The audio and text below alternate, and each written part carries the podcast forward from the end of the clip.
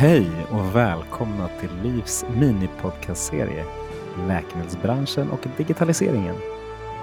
En poddserie som diskuterar digitaliseringen genom linsen på kunniga personer från området. Vi kommer att prata om hälsodata, digitala tjänster, läkemedelsbranschen inom det digitala området och mycket annat. Jag heter Magnus Lejelöw och arbetar för LIF med bland annat digitalisering och dagen till ära har jag två kunniga och trevliga personer från läkemedelsindustrin eh, med mig. Den här gången är det två representanter från Novartis men med två väldigt olika perspektiv på läkemedel och digitalisering. Eller perspektivet kan ju vara lika men rollerna är väldigt olika. Varmt välkomna, till, varmt välkomna Josefin och Anna-Klara. Tack så mycket. Tack så mycket. Eh, vi kastar oss rakt in i det här som vanligt och, och börjar med att reda ut vilka ni är och vad ni gör till vardags. Vi kan väl börja med Anna-Klara. Ja, Anna-Klara Nord Ekeling heter jag. Jag är nordisk digital manager för onkologi på Novartis och det betyder att jag sysslar med affärsutveckling både inom innovation men också digital marknadsföring och kommunikation då i alla våra fyra nordiska länder.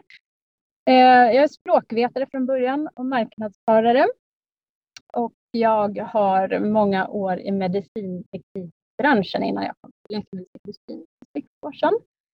Eh, jag har ett brinnande intresse för digital ända sedan mitt första jobb som var under den fantastiska dotcom-eran. Jag var på ett pionjärbolag som sysslade med e-handel kring millennieskiftet och jobbade med digital marknadsföring. På den vägen är det, så att säga. Spännande. Språkvetare med, med dotcom-era bakom sig. Det låter ju Jättespännande. Det, det, är inte som alla i industrin. Josefin, har du samma bakgrund? eller? Nej, men inte samma bakgrund, men kanske lite annorlunda än många andra i Pharma också. Jag eh, har jobbat på Novartis i ungefär fem år. Jag eh, jobbar som Digital Innovation Manager. Jag har en nordisk roll, men jobbar just nu 50% nordiskt och 50% med det globala innovationsteamet. Eh, jag har varit med och byggt upp våran innovationshub här i Norden som kallas för Biom Eh, så att det är eh, merparten av mitt jobb går ut på eh, fokus innovation. Eh, och min bakgrund innan jag började jobba med Pharma är att jag har jobbat mycket med videostreaming. Jag har bland annat varit med och byggt upp en av Sveriges första VOD-plattformar för streaming och uthyrning av film via nätet. Så att eh, ja, lite annorlunda bakgrund också. Men med det sagt så tycker jag att det faktiskt nu eh, är väldigt kul att få jobba med ja, men en industri och ett företag som sätter patienter i första hand och, får, och just då få bidra till att eh, eh, få patienter att må bättre. Det, det är superkul. Kul. Själv är man ju då apotekare och har jobbat i läkemedelsindustrin hela livet. Det känns ju som att jag är alldeles för vanlig här i den här branschen. Vad skönt att ni finns och har nya perspektiv på det. Eh, jag tänkte börja med jag brukar kalla det filosofiskt, det är väl inte så vidare filosofiskt, men eh, om vi börjar med, med, digitalisering som så. Vad, vad betyder digitalisering för dig Josefin? Ja, men eh, med tanke på min bakgrund så har jag på ett eller annat sätt nog alltid jobbat med eh, roller kopplade till digitalisering. Så dels mitt yrkesliv, men även privat så innebär det ju att jag lever ett liv nu som jag förmodligen inte hade kunnat gjort för 20 år sedan. Förmodligen ett enklare liv.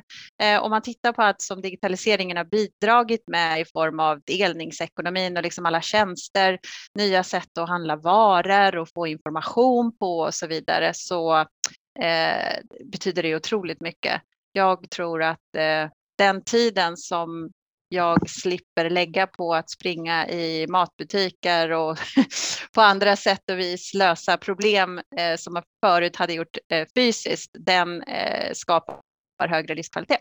Aha. Ja, men det var ett bra svar. Hade ni bara haft uppkoppling på kontoret så hade det varit ännu bättre? Eller? Ännu bättre, i den bästa av världar. Förlåt. Eh, Anna-Klara, om, om, om jag ställer samma fråga till dig då. Betyder digitalisering samma sak för dig som för Josefin eller, eller hur nyanserar du det? Eh, jag håller med om väldigt mycket som Josefin säger givetvis. Men sen tänker jag att förutom det uppenbara så att säga att utifrån tolkning och förståelse av olika behov att vi använder digital teknik för att utveckla arbetssätt och verksamheter och hitta nya innovationer så tänker jag personligen också på en stor optimism att det går att lösa väldigt många problem på nya sätt med hjälp av digitalisering. Så det ligger tycker jag en stor framtidstro här, att det är roligt att jobba med digitalisering. Mm. Det är bra. Det är, det är inte bara roligt att spela in podd, men det är roligt att jobba med digitalisering. Håller fullständigt med. Eh, om, vi, om vi vrider oss lite vidare. Då. Josefin, du nämnde Biom, er innovationshubb. Kan, kan, du inte berätta lite mer om den? Det är ju jättespännande. Vad, vad gör ni och, och, och, och hur gynnar det svenska patienter? Ehm, så vår Biomhub hjälper dels våra team internt eh, som då har kanske identifierat en patientresa och hittat vissa problem i den. Eh, där går vi in och hjälper teamen med att scouta efter externa partners som ofta kanske är en startup som har en digital lösning som skulle kunna fungera bra för att lösa det här problemet. Och så hjälper vi till att sätta ihop en bra diskussion och förhoppningsvis också ett samarbete med det externa eh, bolaget. Eh, så det hjälper vi till med. Och sen även om den här lösningen fungerar väl så har vi då alla möjligheter att utnyttja vårt globala nätverk av innovationshubbar för att skala upp den här lösningen. Och det behöver inte vara exakt med samma leverantör och samma partners, utan det kan även vara konceptuellt så att vi har ett stort utbyte av vad som fungerar och inte fungerar på olika delar i världen. Och på så sätt så kan vi också få hit mycket nya idéer som har testats på andra marknader och eh, fått ett gott resultat. Så att eh, framför allt så, så använder vi Biomen. Vad spännande det att jag frågar ja. just det, för jag tycker det är ett liksom spännande område att visa på, på hur läkemedelsindustrin gör olika saker inom det digitala området. Det, vi har pratat, det är sjätte podden i ordningen det här, vi har pratat med ett antal olika personer från företagen, men alla gör olika saker och alla bidrar liksom till eh, svensk hälso och sjukvårds digitaliseringsresa med olika pusselbitar. Och den där pusselbiten som du just la in, den är ju jätteintressant. Ja, ja. Och en, en annan del som, som liksom det digitala faktiskt hjälper till med är att vi kan jobba över, liksom, ta bort gränser och riva gränser. Anna-Klara, du sa att du jobbar i de fyra nordiska länderna. Jag gissar att du räknar bort Island. Då. Eh, hur, hur, hur, jobbar ni och hur skiljer det sig från att jobba svenskt? Tycker du? Alltså dels så skiljer sig givetvis länderna åt. Eh, det finns olika system, det är olika eh, problem som man behöver jobba med så att det är olika på så sätt. Eh, och det går inte att ta svenska lösningar rakt av och applicera dem i de andra länderna. Sen min roll som nordisk betyder också att jag inte är handgripligen inblandad direkt i de andra länderna. Där har vi lokala kollegor som driver projekt och eh, som samverkar med oss. Så att eh, projekten går av stapeln på lokal nivå men vi har nordisk samordning. Vi kan dela erfarenheter och dela kunskaper. Eh, för att mycket kan man ändå tillgodogöra sig över landsgränserna, men inte allt. Nej. Vad är det man inte kan tillgodogöra sig? För det är, Norden finns ju inte egentligen, utan det finns ju ett antal länder. Så, men jag bara tänkte, vad, vad, är det, vad kan man inte tillgodogöra sig och vad är det som är väldigt bra att tillgodogöra sig? Det som är väldigt bra att tillgodogöra sig är att eh, inom våra onkologisjukdomar, inte minst på är ju behoven från patienter och vården ofta ganska likartade så att man kan utgå från fram, eh, samma problemställningar ofta. Men sen inte lösningarna alltid översättningsbara mellan länderna. Från det eh, som jag sa, att det är olika system både inom själva vården men även tekniska system och det finns olika typer på hur man ska angripa det i länderna. Och eh, därför så ser vi att man bäst kör projekten på lokal nivå, även om man lär sig av varandra. Ja. Och det är en del, del som det digitala för med sig, att vi, faktiskt kan, vi kan bli ganska globala i det vi gör, men det finns ju ändå en, en lokal förankring man måste tänka på. Ja. Jag, eh. jag, tänker också så här, för vi har ungefär samma upplägg med Biomen, att vi har eh, personer i respektive land som jobbar lokalt. Och ofta när vi arbetar så involverar ju det patienter också. Och det är ju också extra viktigt att man faktiskt kan vara lokal och prata språket. Tänker jag. Mm. Absolut.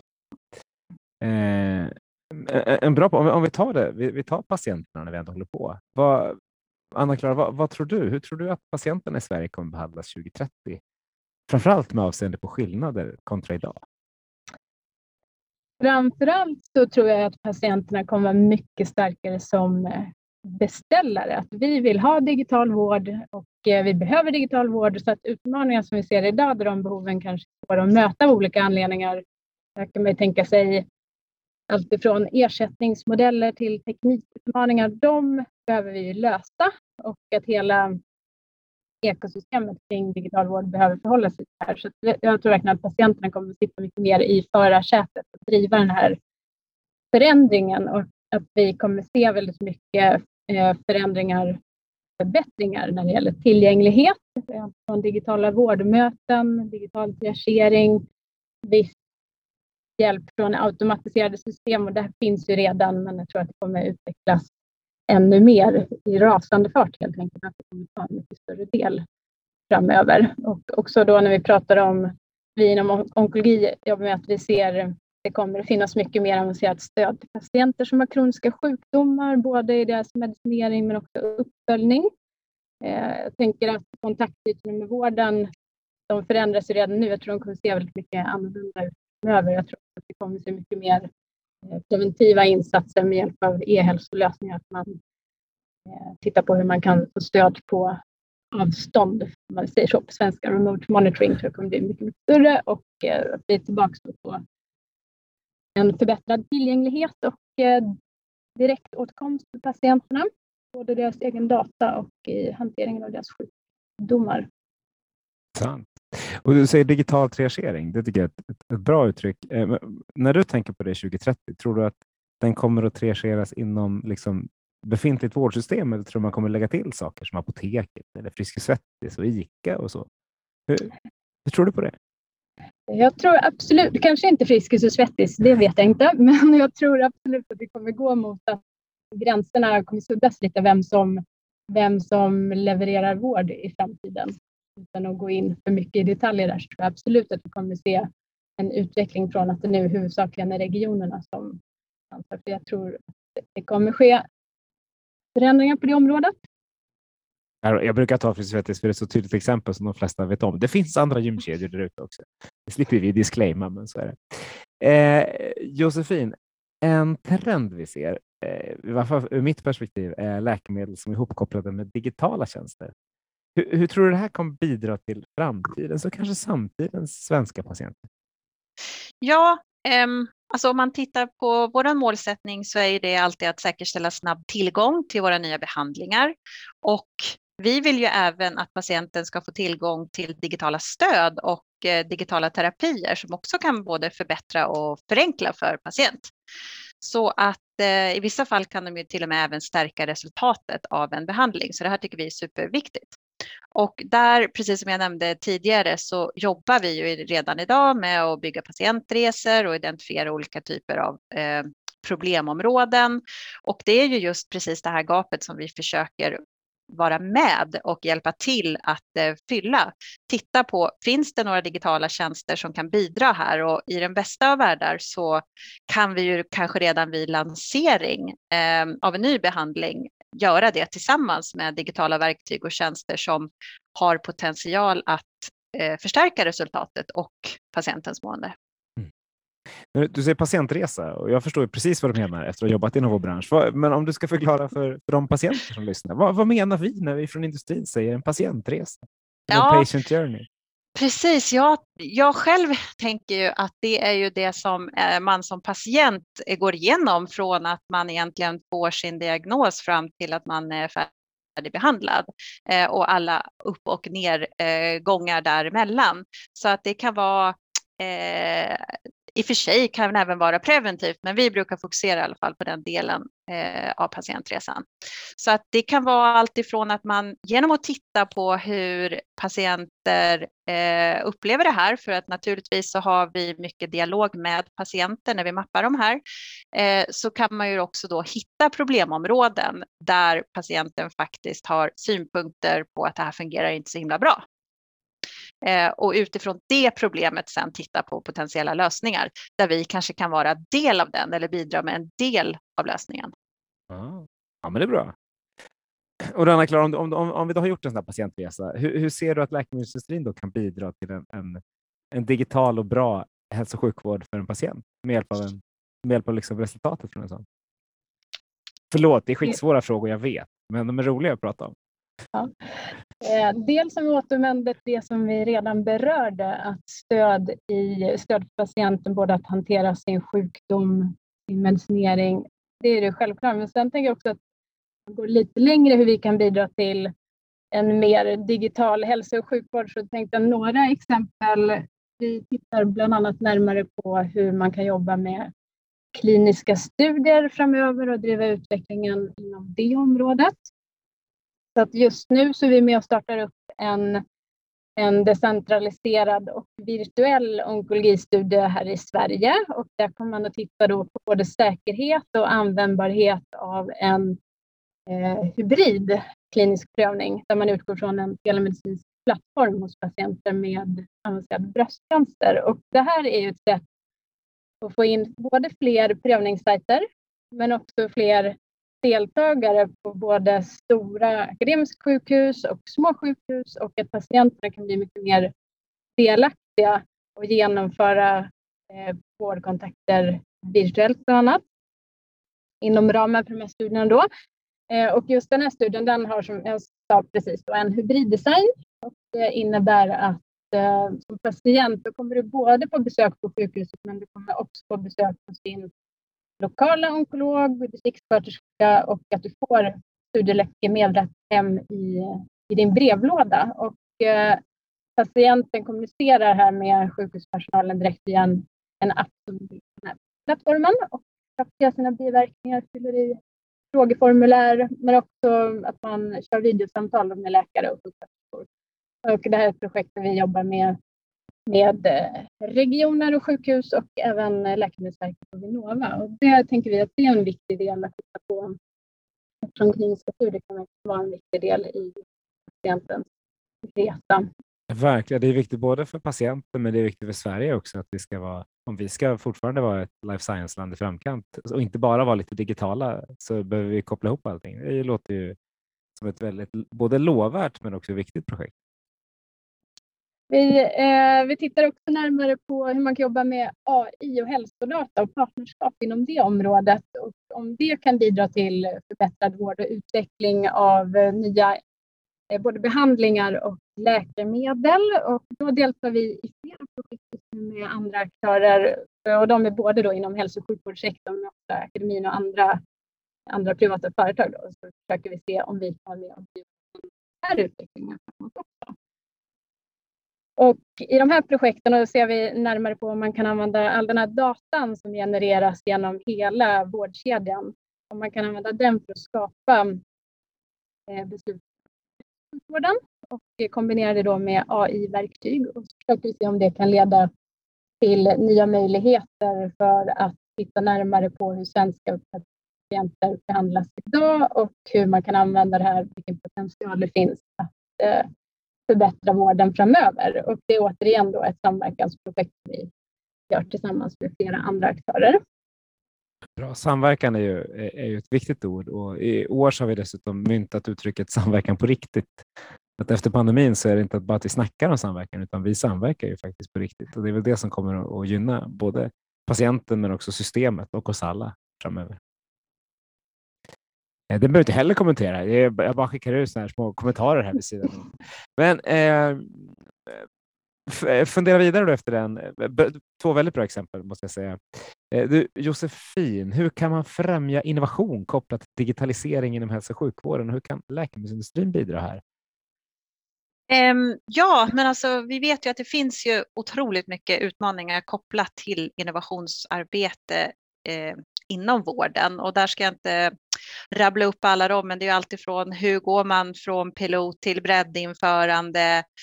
Hur gör man det? En, då? ja, precis. Det är ju den som hade svaret på det. Men eh, vi tror i alla fall att en av framgångsfaktorerna för det här, det handlar ju precis som du nämnde om utökat samarbete. Och här tycker jag det faktiskt finns några utmärkta exempel att lyfta fram där LIF har varit drivande. Vi har ju Mötesplats Innovation som man drog igång förra året kopplat till SLSO och vägen in i vården i VGR. Båda de här initiativen ger ju oss farmabolag en möjlighet att pitcha våra idéer och förslag direkt in till beslutsfattare inom vården och myndigheter och det tror jag faktiskt är ja, men ett fantastiskt sätt att skapa dialog om nya initiativ och, och hitta rätt mottagare i vården. Så det är ett exempel. Väldigt bra exempel. Det är dessutom två exempel som jag modererar, så jag blir ju extra glad när man får höra att de är bra.